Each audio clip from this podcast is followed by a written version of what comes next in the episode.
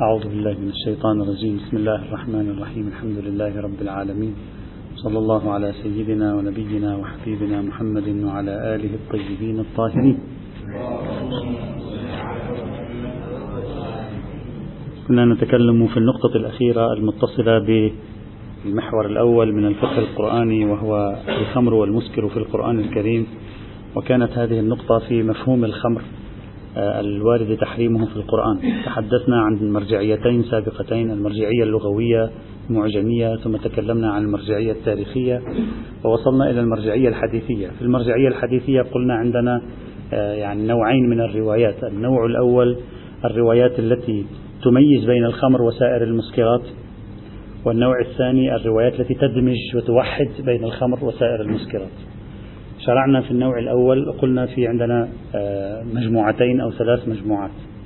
المجموعة الأولى التي بدأنا بها بالأمس كانت نصوص تحريم النبي للمسكر وتحريم القرآن للخمر.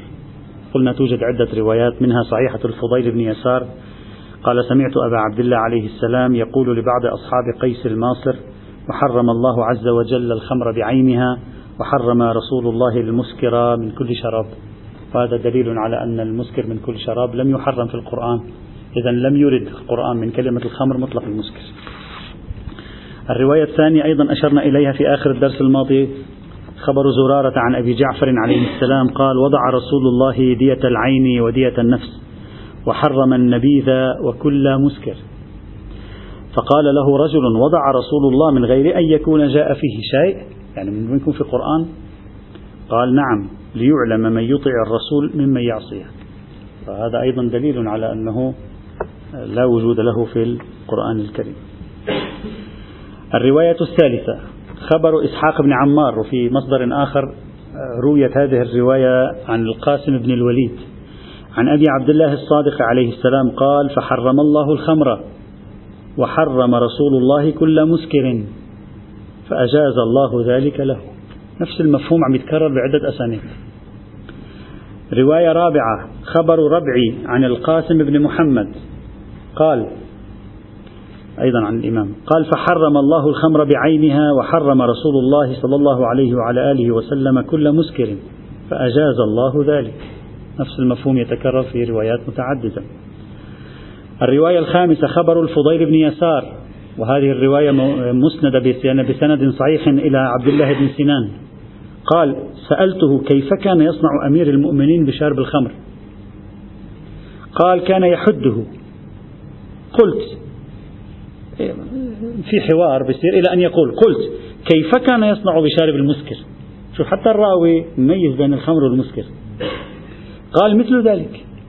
أو مثل ذلك كان يصنع مثل ذلك يعني يحده. قلت شوف لاحظ هذا الفضيل بن يسار وهو من كبار الأصحاب.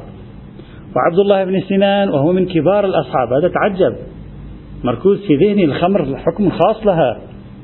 قلت فمن شرب شربة مسكر كمن شرب شربة الخمر؟ أما هذا مستغرب. في ذلك الزمان يبدو غريب بالنسبة له. نحن اليوم في زماننا واضحة. لكن في ذلك الزمان بدت غريبة لشدة ما يرون في ذهنهم من تمايز الخمر عن المسكرات. والإمام يقره يقول هذا مسكر وهذا خمر ما يقول له المسكر خمر هو واحد. يقره على التمييز أيضا. الإمام أجاب فقال قال سواء. قال قلت فمن شرب شربة مسكر كمن شرب شربة الخمر. قال سواء. لا فرق سواء مثل بعض.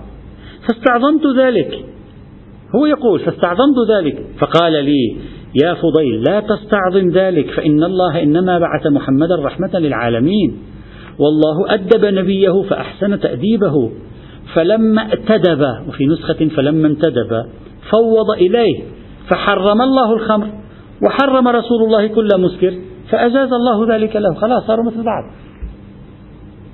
ليش مستغرب؟ هذا شيء شيء وهذا شيء. لا نفس الحكم. مع أنهما بحسب بيان السائل وارتكازه المتشرعي وبحسب إقرار الإمام لم يقل له الإمام. ليش أنت مستغرب؟ ما المسكر خمر. أنت مستغرب على ماذا مستغرب؟ الله حرمه الخمر يعني المسكر لا الإمام, الإمام قبل منه التمييز. قبل منه التمييز. وبين له لماذا الحكم واحد؟ قال لأن ذاك الحكم في القرآن وهذا الحكم من النبي. والله أجاز ما حكم به النبي. هذا دليل على أن الارتكاز المتشرعي بل حتى ارتكاز الإمام نفسه وبناء الإمام نفسه على ماذا؟ على التمييز بين الخمر والمسكرات. رواية سادسة. خبر عبد الله بن سنان وفي مصدر آخر رواية مروية عن محمد بن عذافر عن أبي جعفر عليه السلام قال وأنزل الله في القرآن لاحظ تحريم الخمر بعينها فحرم رسول الله المسكرة فأجاز الله له ذلك في أشياء كثيرة فما حرم رسول الله فهو بمنزلة ما حرم الله. يعني واضح يعني يقول الخمر بعينها حرمها الله في القرآن.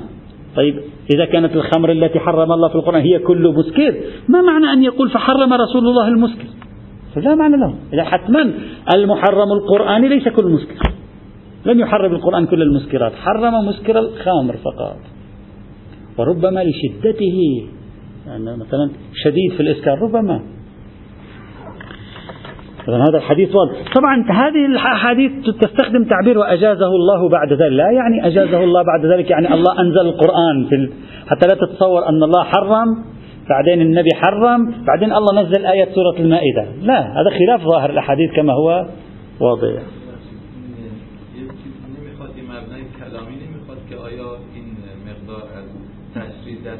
پیغمبر نعم موجود هذا البحث.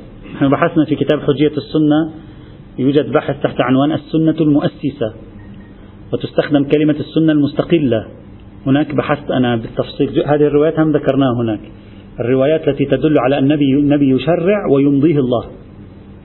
وفي روايات على أن أهل البيت يشرعون في بحث هنا. هل النبي فقط يشرع؟ أو أن أهل البيت أيضا يشرعون على طريقة تشريع؟ هذا غير الحكم الولائي. على طريقة أهل البيت هذا فيه كلام أيضا. الرواية السابعة والأخيرة التي أذكرها هنا خبر أبي بصير. قال سألت أبا عبد الله عليه السلام فقال فحر إلى أن يقول فحرم الله الخمر بعينها وحرم رسول الله المسكر من كل شرب هذه الروايات كلها واحدة منها لها أسانيد سند خاص بها. كلها تتضافر في المجموعة الأولى على أن الخمر غير المسكر.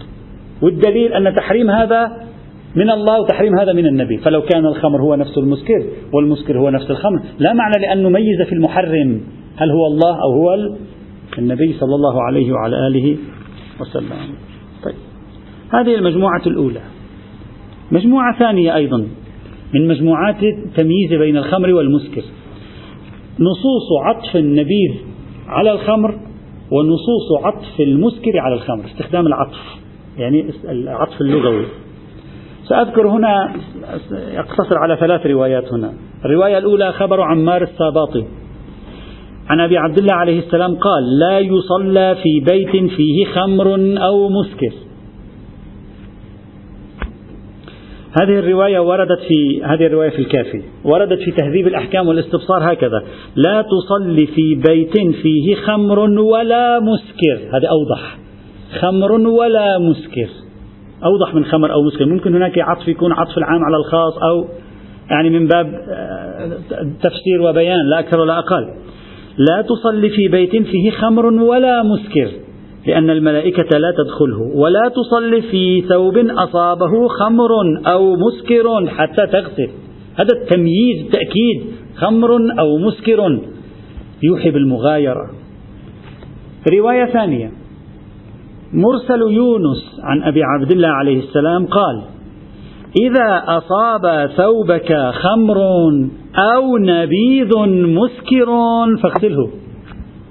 لأن النبيذ بعضه مسكر بعضه غير مسكر كما قلناها قلنا النبيذ بعضه مسكر وبعضه غير مسكر. إذا نبذت التمر أو نبذت الماء على التمر في الليل يمكن أن تشربه في الصباح كما ورد في الرواية قرأناها سابقا. هذا نبيذ لكن غير مسكر. لكن ما فيك تشربه بعد ثلاثة أيام. صار نبيذا مسكرا. لذلك الرواية قالت نبيذ مسكر احتراز عن النبيذ غير المسكر.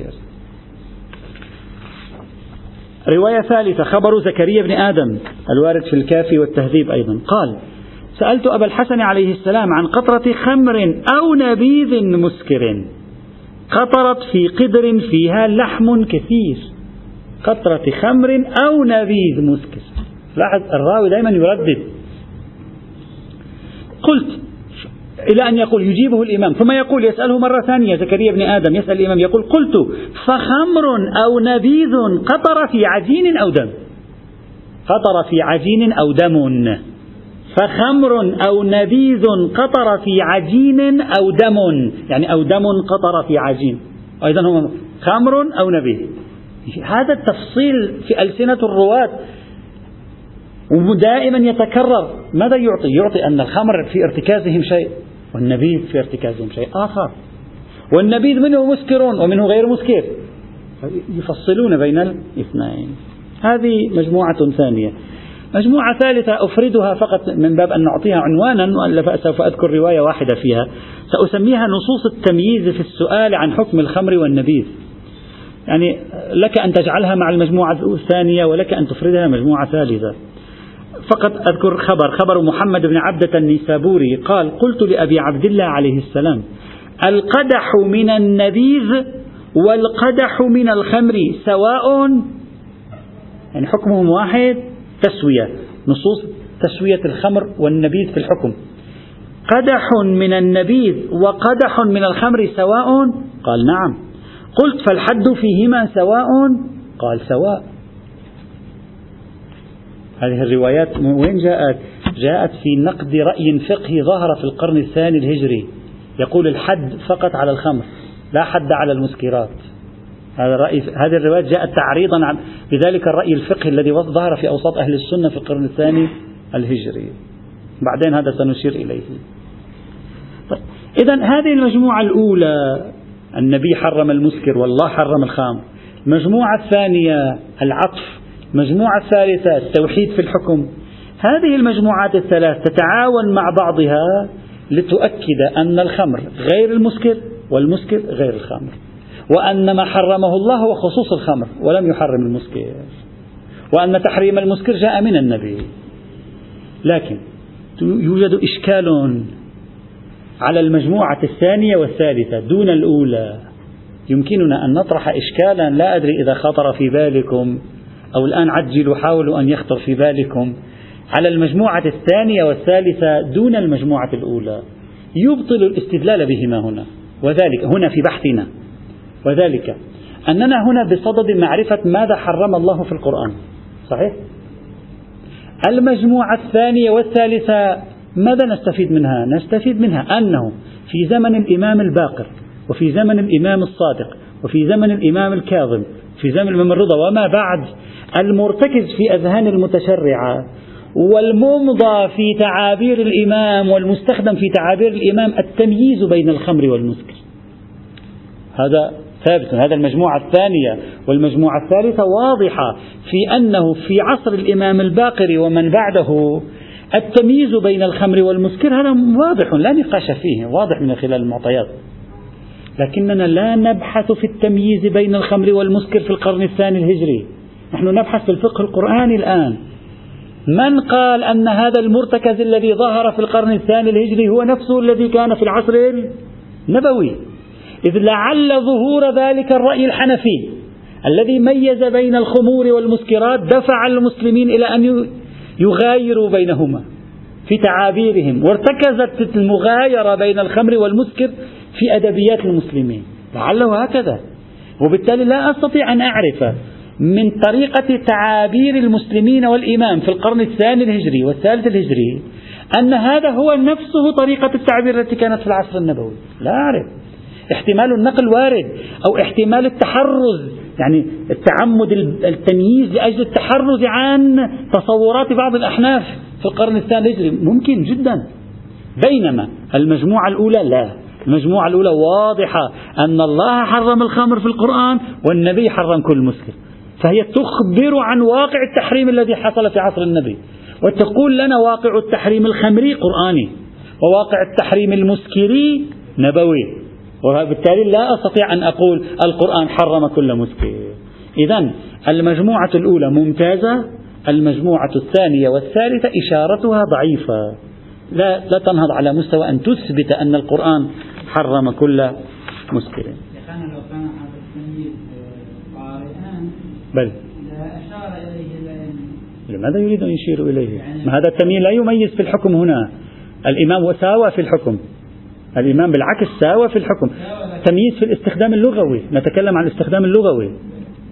يعني لو كان من لو كان يعني موجود موضوع واحد أوه. الخمر ويشمل المسكر في زمن النبي ثم استجاب هذا التمييز لأشار إليه أهل البيت لماذا يشيرون إليه؟ يعني الراوي لم يخطأ في شيء حتى يشيره. يعني ليس خطأ في اللغة العربية أن تقول خمر أو مسكر هو ليس خطأ. يعني ليس ليس خاطئا. يعني أنت إذا قلت خمر أو مسكر ليس خطأ حتى يقول له الإمام لا لا تقل خمر أو مسكر قل فقط خمر. ليس تعبير خاطئ لغة. لا في عصر النبي ولا في هذا العصر. لكن كل ما في الأمر أن استظهار التمييز فيه بين الخمر والمسكر من حيث الكلمة لا من حيث الحكم الحكم واحد. والإمام أجابهم في كل الروايات الأحكام واحدة. يعني الإمام حارب التمييز الحكمي بين الخمر والمسكر تعريضا بما قاله الأحناف أو بعض الأحناف. لكن الاستخدام اللغوي لم يحاربه لأن استخدام اللغة ليس خطأ لا أقل مجازي خليكم وقلنا سابقا يحتمل أن كلمة الخمر تستعمل في الأعم وفي الأخص بس هناك استعملوها في الأخص. هذه هي الفكرة. طيب.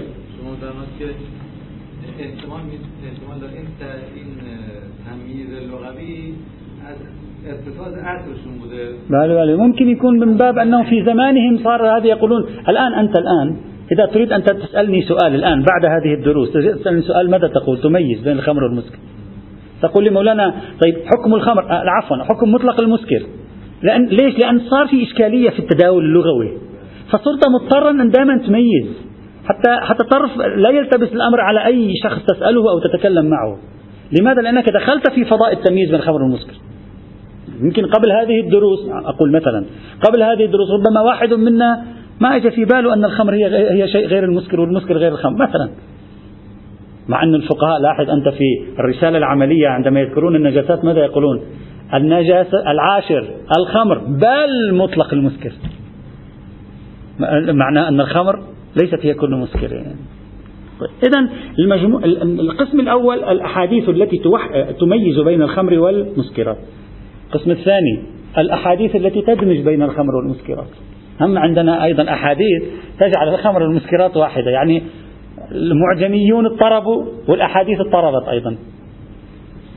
سأذكر بعض الأمثلة التي تعارض المجموعة الأولى هذه التي مرت معنا قبل قليل. مثلا خبر عبد الرحمن بن الحجاج وهذا خبر صحيح الإسناد على المشهور. ورواه الشيخ الكليني في الكافي والشيخ طوسي في التهذيب. عن أبي عبد الله عليه السلام قال قال رسول الله الخمر من خمسة. الخمر من خمسة.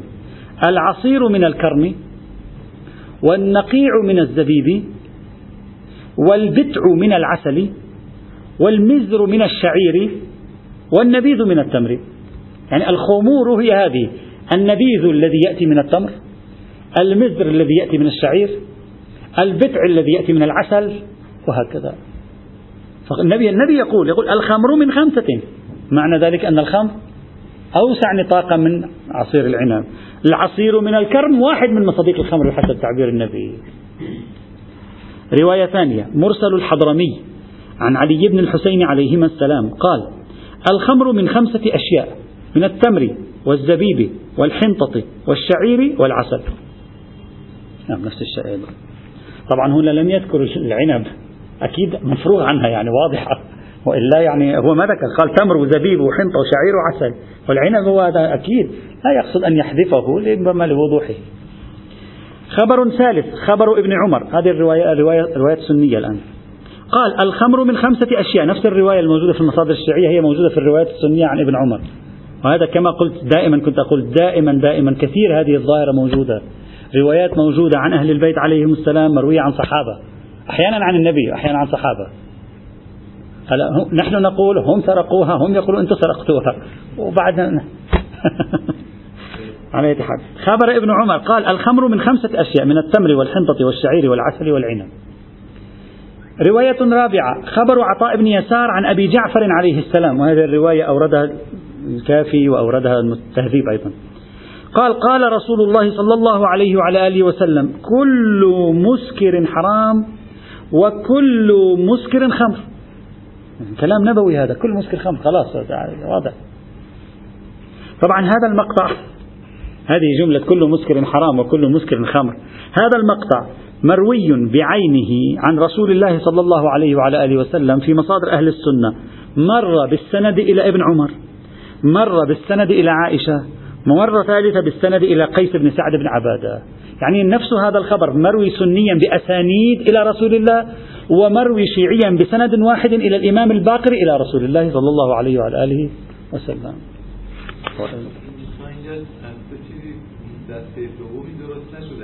خب.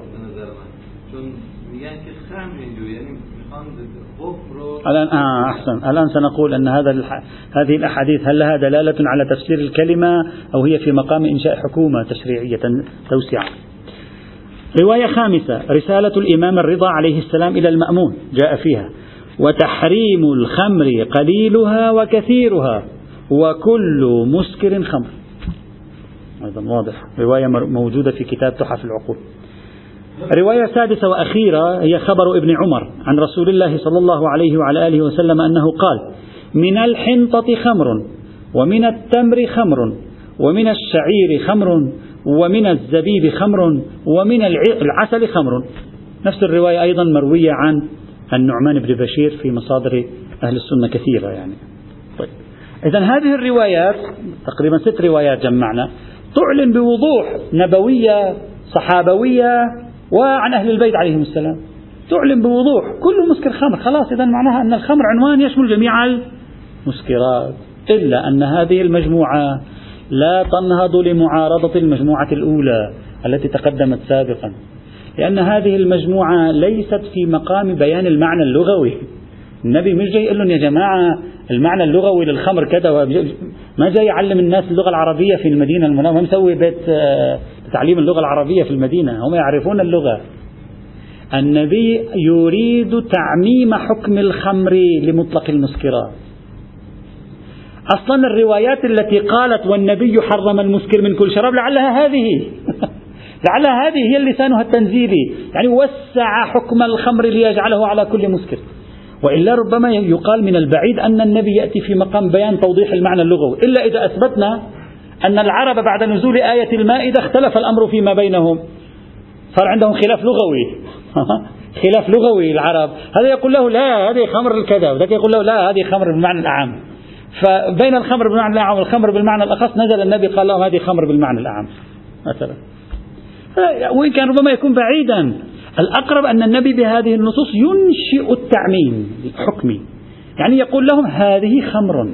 يعني نزلت منزلة الخمر. يعني لحقها حكم الخمر. كما تقول الطواف بالبيت صلاة. يعني أخذت حكم الصلاة. هذا أقرب من أن يكون النبي جاي يناقش معه يعطينا معلومات تاريخية ومعلومات تصنيع الخمر. يقول في خمر من الحنطة وفي خمر من الزبيب. ترى وفي خمر بيسووها كذا. ما جاي يحدثنا النبي حديث من هذا القبيل. لا أقل من وجود احتمال قوي جدا للإنصاف. يوجب إجمال دلالة هذه الروايات على أنها في مقام بيان الأمر التكويني الخارجي من حيث اللغة العربية. هي في مقام بيان أمر حكمي. لا أقل يتساوى الاحتمالان. لا تستطيع هذه الروايات أن تقف في معارضة الروايات في المجموعة الأولى. بل لعلها هذه التي تؤكد أن النبي حرم المسكر من كل شراب. بهذه النصوص وأمثال هذه النصوص. الآن صار عندنا المرجعيات الثلاثة التي أردنا نبحثها. مرينا فيها الثلاثة معا. المعاجم اللغوية مضطربة. تحتمل المعنيين؟ الشواهد التاريخية لصالح المعنى العام لكلمة الخمر وهو مطلق المسكر. الشواهد الحديثية أولا مضطربة يبدو عليها الاضطراب لكن بعد التأمل لا اضطراب فيها. ولم يسلم منها سوى المجموعة الأولى من القسم الأول اللي هو النبي حرم كل مسكر القرآن حرم الخمر. إذا نحن أمام ثلاث معطيات. معطى معجمي متعارض شواهد تاريخية لصالح التعميم شواهد حديثية لصالح التخصيص. المعطى المعجمي اللغوي لا يعارض أي من هذه. لو أخذناها لوحدها يعني ليش؟ الكتب المعاجم اللغة العربية تقول يمكن إرادة الخصوص من الخمر المعنى الأخص. وبالتالي المعاجم تتقبل إطلاق الخمر على خصوص العصير العنبي. فلا تعارض الأحاديث. تتقبل أن ليس في حداثة والمعاجم تتقبل إطلاق كلمة الخمر على مطلق المسكر فتؤيد الشواهد التاريخية. يعني نسبة المعاجم ما أفادتنا به المعاجم نسبتها إلى الشواهد التاريخية لوحدها ليس في تناقض. يمكن تفسير الكلمة معجميا على وفق ما أتت به الشواهد التاريخية. والشواهد وأيضا المعاجم نسبتها إلى الشواهد الحديثية ليست تعارض. لأن قابلة يعني المعاجم لينة. إذا أجت الشواهد التاريخية تستطيع أن تقول لي هذه الكلمة استخدمت في المعنى الأعم. وإذا أجت الشواهد الحديثية تقول لي نعم هذه الشوا... هذه الكلمة استخدمت في القرآن بالمعنى الأخص. نسبة ما أفادتنا به المعاجم إلى كل من الأحاديث والتاريخ على حدة ليس في تعارض. التعارض الحقيقي أين؟ بين الشواهد التاريخية وبين الشواهد الحديثية. هو هذا التعارض الحقيقة. ما معنى الشواهد التاريخية والحديثية؟ شواهد تاريخية المدينة ما فيها عنب. أنس يقول كنا نشرب الفضيخ. آه، عبد الله بن عمر قال ما في شراب العنب نحن كنا نشرب فقط الأنبذة. هذه الشواهد التاريخية. في مقابلها شواهد الأحاديث المتعددة وبعضها صحيح الإسناد الدالة على عدم تحريم الخمر للمسكرات جميعا فقط لخمر العنب. كيف نجمع ونوفق بين الشواهد التاريخية والحديث هكذا. يعني مشينا في الخارطة بالتدريج حتى نصل إلى نقطة التن من هم المتنازعان في الحقيقة؟ يمكن أن يقول شخص هنا يمكن يكون عندي واحد من آه، خيارين أو ثلاث خيارات حتى. ممكن نطرح ثلاث خيارات. الخيار الأول نقول الشواهد التاريخية تعارض الأحاديث. طبعا الشواهد التاريخية مش بس الروايات طبيعة مناخ المدينة.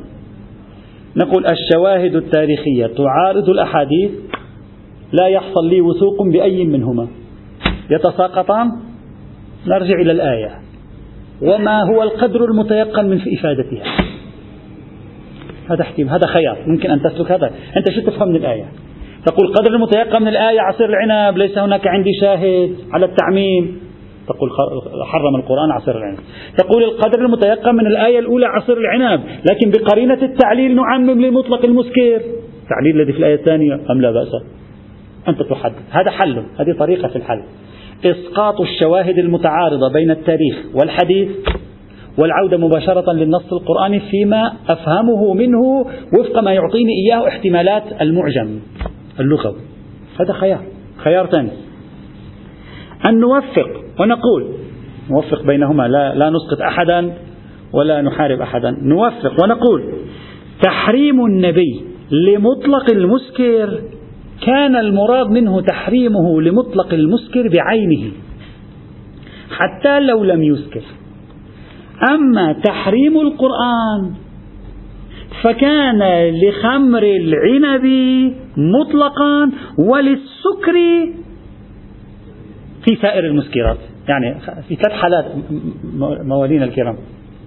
في عندي خمر العنب وفي عندي المسكرات. القرآن حرم خمر العنب مطلقا حتى لو قطرة واحدة بمقتضى إطلاق الآية الأولى. بمقتضى إطلاق الآية الأولى. بمقتضى عموم التعليل في الآية الثانية. ماذا حرم؟ حرم ما يكون فيه الخصومات. ما هو الذي يكون فيه الخصومات؟ هو أن تشرب سائر المسكرات بما يجعلك تسكر.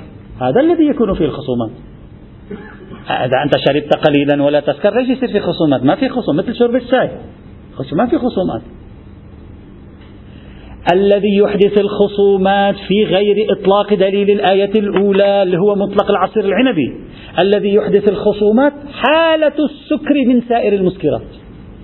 فنقتصر في التعليل في الآية الثانية على حالة السكر من سائر المسكرات. طيب ماذا يبقى؟ يبقى شرب سائر المسكرات بلا سكر. هذا ليس مدلولا عليه في القرآن. هذا ليس مدلولا عليه في القرآن.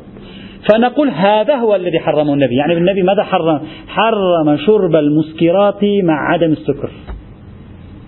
هذا هو الذي حرمه النبي. لا شرب سائر المسكرات مع السكر فإن شرب سائر المسكرات مع السكر حرم في القرآن. وبالتالي تكون الشواهد التاريخية تعني تحريم شرب يعني أنهم فهموا من القرآن تحريم شرب مطلق المسكرات بما يفضي إلى السكر. ولذلك طبقوه على الفضيخ. في حين الروايات تقول النبي حرم المسكرات حتى لو كان احتمال السكر منها واحد بالمئة. هذا هو في الحقيقة الذي حرمه النبي. وإجوا بعدين أهل البيت أيضا وحرموا أقل مما حرم النبي يمكن طبعا. أو كشفوا عن أقل مستويات التحريم النبوي. ما هو؟ فقاع. الفقاع هو أقل مستويات التحريم. لأن الفقاع احتمالية السكر منه قليلة ومع ذلك حرم ولو تناول قطرة منه. هذا احتمال ثاني. أقول هذه خيارات مفتوحة. خيار ثالث. أن نقول الروايات لا تتوافق مع النص القرآني. الروايات تقول المسكرات لم يحرمها القرآن. الآية واضحة في تحريم مطلق الخمر. التعليل لصالح تحريم المسكرات. الشواهد التاريخية تؤيد الآية. الأخبار تعارض الآية. نطرح الأخبار جانبا ونأخذ بالآية القرآنية الكريمة المؤيدة بالشواهد التاريخية. كيف؟ نقول الآية الأولى حرمت ذات الخمر. الآية الثانية يفهم منها تحريم مطلق المسكر بقرينة التعليل يفهم منها تحريم مطلق المسكر يتأيد هذا الفهم بالشواهد التاريخية. ضم الشواهد إلى الآية ضم التعليل في الآية إلى الشواهد التاريخية يجعلها متعاضدة ويجعل الروايات في المجموعة الأولى على خلاف ظهر القرآن الكريم. فتطرح جانبا. ثلاث احتمالات. أنت رجح أي من الاحتمالات لكن سأطرح احتمالا. فكروا فيه بدقة. ربما هو يحل جميع أطراف النزاع في هذه المعطيات الموجودة بين أيدينا وهو أن القرآن أصلا وأساسا لم يحرم شيئا بعينه. يعني ذات المشروب لم يحرمه. بما هو مشروب حتى خمر العنب لم يحرمه القرآن. القرآن حرم ظاهرة المسكرات. سأعطيكم مثالا. أرجو أن تتأملوا معي جيدا. الفيض الكاشاني رحمة الله تعالى عليه ماذا قال في روايات تحريم الخمر آه، تحريم الغناء؟ قال روايات تحريم الغناء لا تقصد أن الموسيقى والغناء والألحان حرام. هذا ليست حرام. وهذا الذي نسب أيضا إلى المحقق السبزواري صاحب كفاية الأحكام. قال هذا ليست حرام الغناء ليس حرام. عندما قالت الرواية الغناء حرام كأنها تشير إلى ظاهرة موجودة في المجتمع. ما هي ظاهرة الغناء؟ في العصر العباسي ظاهرة الغناء ما هي؟ في العصر العباسي ما في كاسيت ما في سي دي ما في DVD ما في MP 3 في العصر العباسي لما تقول الغناء لا, لا تستمع للغناء يعني لا تذهب إلى حفلات المجون. لأن الغناء كان من الذي يغني المغنيات والراقصات. وين يغنوا؟ بيغنوا يعني في الشارع؟ بيجوا عندك على البيت بيصلوا بعدين بيغنوا؟ بيغنوا في الحفلات التي اشتهرت في العصر العباسي فلما قال الغناء حرام يعني هذا لا تذهب إلى هناك. حرام الذهاب إلى ذلك المكان. فالغناء الحرام هو الغناء الذي ينضم إليه الرقص رقص الراقصات اختلاط النساء بالرجال شرب الخمور التلفظ بغير الحق إلى آخره. هذه الحصة من الغناء حرام. أما غناء خارج هذه الحصة ليس حراما. هذا كلام الفيض الكاشاني واحد بعدين يقول لك هذا. مع المعذرة بالمزاحة. وناقل الكفر ليس بكافر. أقول الآن ذاك الكفر أخف من الكفر الذي سنقوله الآن. الآن أقول لعل شخصا يقول هكذا تأملوا معنا جيدا. القرآن أصلا لم يحرم مشروبا بعينه. القرآن قال لهم لا تسكروا. عندما قال لهم الخمر حرام ثم علل بعد ذلك الخمر تؤدي بكم إلى العداوات. يعني ماذا يريد أن يقول؟ ما يشربون شاربو الخمر ليس شاربو نقطة. شاربو الخمر أولئك الذين يشربون الخمر. ويسكرون ويتضاربون فيما بينهم ويلتهون عن صلاتهم ويكثر نومهم بعد ذلك فلا يدرون ماذا فعلوا. هذا شارب الخمر. فالقرآن يشير إلى الظاهرة إلى ظاهرة شرب الخمر التي هي بطبعها في ذلك المجتمع تسكر وتؤدي للعداوة. يقول تلك حرام. ففي الحقيقة القرآن لم يحرم لا عصير العنب ولا حرم نبيذ التمر ولا حرم شيئا من ذلك القرآن حرم ظاهرة السكر. السكر الآتي من عصير العنب ومن غيره ومن غيره. وجاء النبي وحرم ذات المشروبات ولو لم تذكر. وبهذه الطريقة نجمع كل التعارضات. نجمع تعليل الآية يصبح مفهوما. الشواهد التاريخية تصبح مفهومة لأنه لما قال شيلوا الفضيخ من أمامكم ما معنى ذلك يعني لا تشربوا ذلك الشرب المتعارف عندكم يعني لا تسكروا. لأنهم عندما كانوا يشربون يسكرون فقال لا تشربوا. يعني لا تسكروا ونجمع ونأخذ كذلك بالأحاديث التي جاءت أن النبي هو الذي حرم كل مسكر. فالله حرم طبعا في مشكلة بعد بسيطة هنا. الله حرم السكر والنبي حرم المسكرات غاية الأمر أن هذا التخريج يعارض بعض روايات المجموعة الأولى الحديثية التي تقول حرم الله الخمر بعينها وحرم المسكر من كل شراب. خمر بعينها توحي وكأنه يتكلم عن مادة سائلة ما يتكلم عن حالة سكرية. هذه تواجهنا مشكلة هنا. إذا شخص استطاع حل هذه المشكلة لا بأس. إذا لم يستطع حل هذه المشكلة الأقرب أن نقول حينئذ إن الشواهد متعارضة. إذا عندك ترجيح بقوة وثوقية بين المعطيات لا بأس. إذا ما عندك ترجيح تقول الشواهد متعارضة أقول بتساقطها جميعا. أرجع في النص القرآني أرجع إلى دلالة الآية فيما يحتمله المعجم وآخذ بالقدر المتيقن حينئذ والقدر المتيقن هو تحريم العصير العنبي المختمر فقط وغيره لا دليل قرآنيا عندي على التحريم ينبغي أن آخذ دليل السنة وسيأتي دليل السنة إن شاء الله.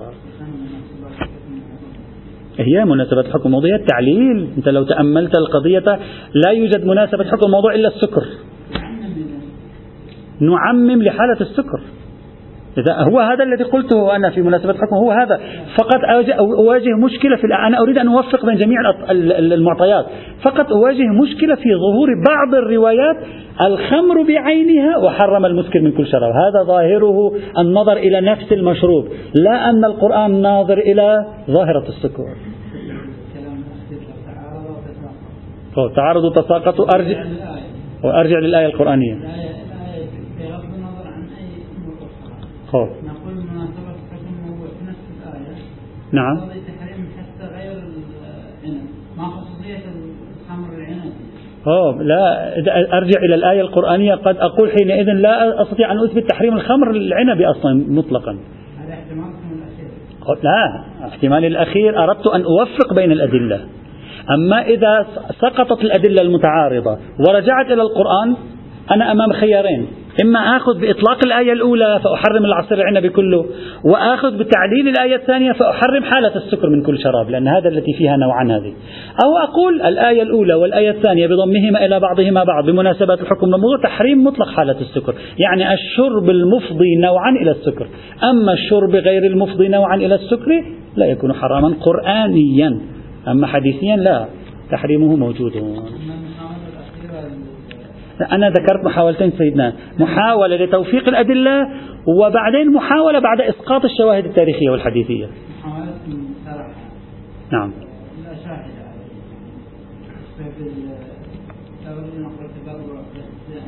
كيف؟ أن القرآن حرم المسكر هو هذا الذي سميته أنت الآن مناسبة الحكم الموضوع هو شاهدي كان لا لا لا, لا, لا أن النبي حرم ذات المسكر نعم. يعني ما الشاهد على أن النبي حرم. فقط لأن الآية حرمت السكر. نقول طيب. أن ونريد نجمع بينها. نقول النبي حرم ذات حرم المسكر. بينما تلك تلك الآية حرمت السكر.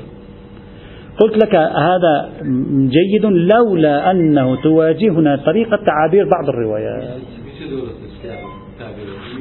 حرم الخمر بعينها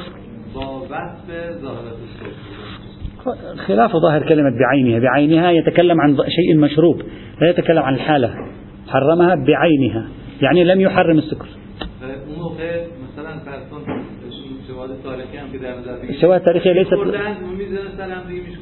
خب بله ولكن لم يش... لكن لم يكن عندهم حسب الشواهد التاريخية توافر للخمر بمعنى العصير العنبي وهذا منطقي جدا إنه ما كان عندهم عصير عنبي. جدا منطقي في المدينة. جدا منطقي. حتى لو ما عندي ولا شاهد تاريخي منطقي جدا أن يكون الخمر طبيعي طبيعة البشر يذهبون الآن بعض الذين لا يصل إليهم مخدرات من البنزين. يعني يأخذ الشيء الأرخص له الذي يست... طبيعة الإنسان هكذا. فأنت لا تستطيع أن تقول أهل المدينة يتناولون آه، شراب العنب المسكر. لأن شراب العنب المسكر ما متوفر عندهم يحتاج يجيبوه بالتجارة. تجارة غالية ليس الناس فقراء مساكين.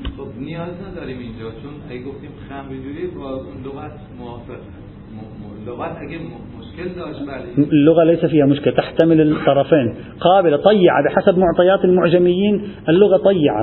هذا من محاسن الحظنة. اگه بگیم خمر به عینها با بحث ظاهره که شواهد تاریخی معایرش میکنه. اگه کسی گفت خمر نه خمر اسیر عنبیشون نبوده اون عنب میگه خب با لغت جور در فقط وكل مسكر بعينها وكل مسكر ظاهر في النظر إلى المشروب وليس ظاهرا في النظر إلى السكر هي هذه فقط هذا الإشكال. نكتفي بهذا المقدار من البحث في المحور الأول من الفقه القرآني وهو الخمر والمسكرات. تحدثنا عن النصوص التحريمية القرآنية تحدثنا عن معنى الخمر آه، تحدثنا عن نظرية التدريج في تحريم الخمر وطبيعة التحريم مكي أو مدني. هذه خلاصة المباحث المتصلة بتحريم الخمر والمسكرات على مستوى النص القرآني. وتوصلنا إلى آه، تحريم الخمر آه، بالمعنى الأخص على أقل على أقل التقادير. وأما بالمعنى الأعم فيحتاج إلى حشد الشواهد الحديثية التي ستأتي معنا إن شاء الله لاحقا. المحور الثاني قاعدة تحريم الخبائث وحلية الطيبات. البحث في هذه القاعدة هذه قاعدة في غاية غاية غاية الأهمية. لأنها تساعد إذا صحت في حل مشكلة تعارض القرآن مع السنة في موضوع الأطعمة والأشربة. إذا صحت. منطلق هذه القاعدة قوله تبارك وتعالى في الآية 157 من سورة الأعراف. قال بسم الله الرحمن الرحيم.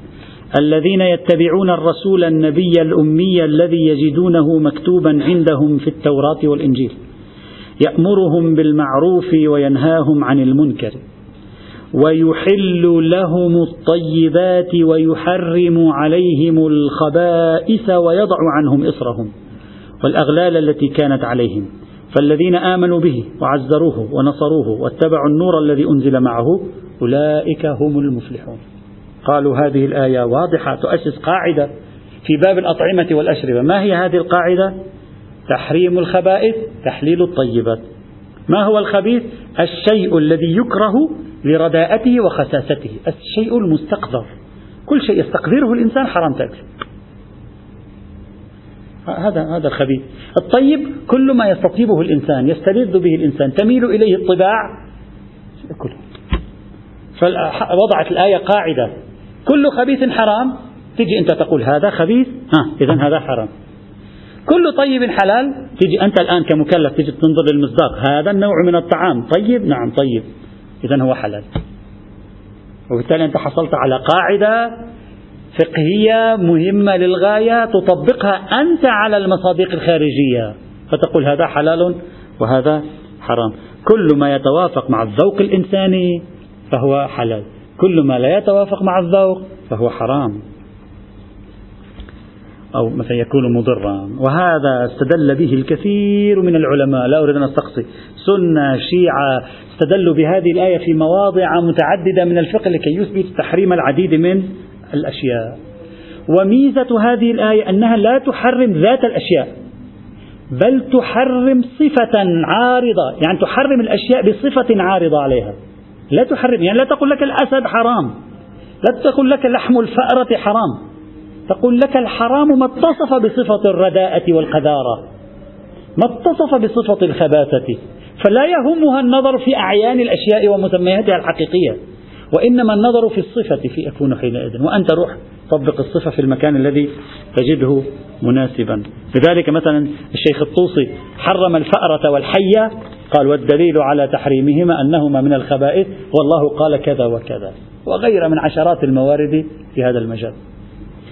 أيضا توجد آية أخرى تعضد هذه الآية وهي الآية الرابعة من سورة المائدة. قال تعالى يسألونك ماذا أحل لهم؟ ما هو الحلال والحرام من الأكل والشرب؟ الله يعطينا قاعدة. قل أحل لكم الطيبات. خلاص أحلت الطيبات. وما علمتم من الجوارح مكلبين تعلمونهن مما علمكم الله؟ إلى آخر الآية القرآنية. إذا ماذا أحل لنا؟ حدد لنا الحلال. قال الحلال الطيبات. إذا غير الطيبات حرام. بالقرينة السياقية يفهم غير الطيبات حرام والطيبات حلال. وبهذه الطريقة تصبح القضية واضحة. هذه الآية من سورة الأعراف وتعضدها آية سورة المائدة. اتخذ منها الفقهاء قاعدة في باب الأكل والشرب. بل اتخذ بعض الفقهاء منها قاعدة في مطلق التصرفات. يعني هو قال أحل لكم الطيبات. أو في آية أخرى يحرم عليكم الخبائث. لم يقل يحرم عليكم أكل الخبائث. وما قال أكل. الخبائث حرام. فقالوا حرام أكلها حرام حملها حرام بيعها حرام شراؤها حرام استعمالها. فحرموا جميع أنواع التصرفات فيما يسمى خبائث. وبذلك حرمت كثير من البيوع والإيجارات والعقود والتصرفات في كل شيء يسمى خبائث إلا ما خرج بالدليل. وهذا كثير عندهم. مثلا العلامة الحلي أعطي مثال. العلامة الحلي استند إلى هذه الآية عندما كان يتكلم في نجاسة بول الآدمي نجاسة البول استند إلى هذه الآية ليثبت عدم إمكان الصلاة في, نج... في, في, في, في الثياب المنجسة ببول. قال لأن الله قال ويحرم عليكم الخبائث والبول خبيث فالبول حرام علينا. وإذا صليت في لباس عليه بول فقد خرقت هذا التحريم لأن الله قال حرام الخبائث مطلقا. إن حرام الصلاة فيها حرام أكلها حرام استعمالها. هذا كثير أيضا. نعم. لماذا؟ أنت تستعملها. فيقول يا حرام عليك خبيث أي أبعده عنك. فيجب عليك أن لا تستطيع طبعا المتأخرون ناقشوا في قاعدة كلية التصرف. القدماء كانوا يميلون بعضهم إلى قاعدة كلية التصرف. المتأخرون لا ناقشوا في قاعدة كلية التصرف ما قبلوا بها.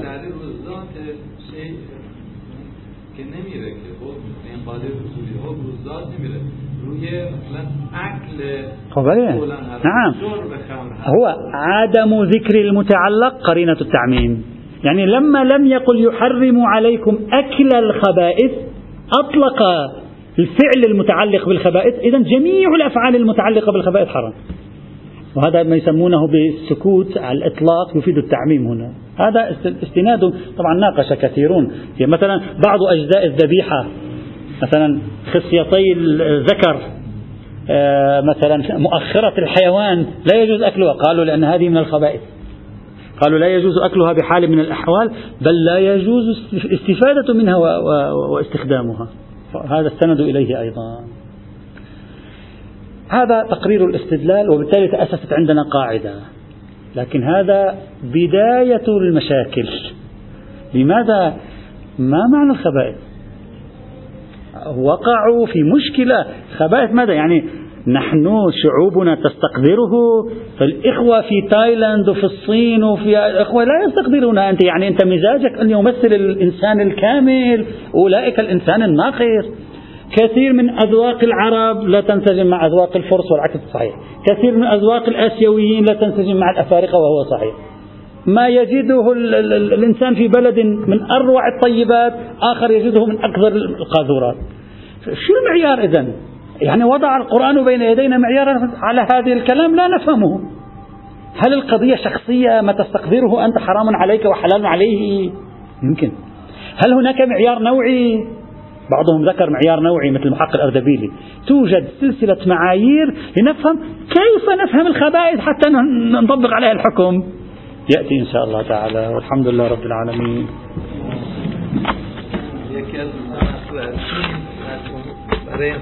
یکی از قوم میره جایی مثلا سوهان می‌برن اون آورده بود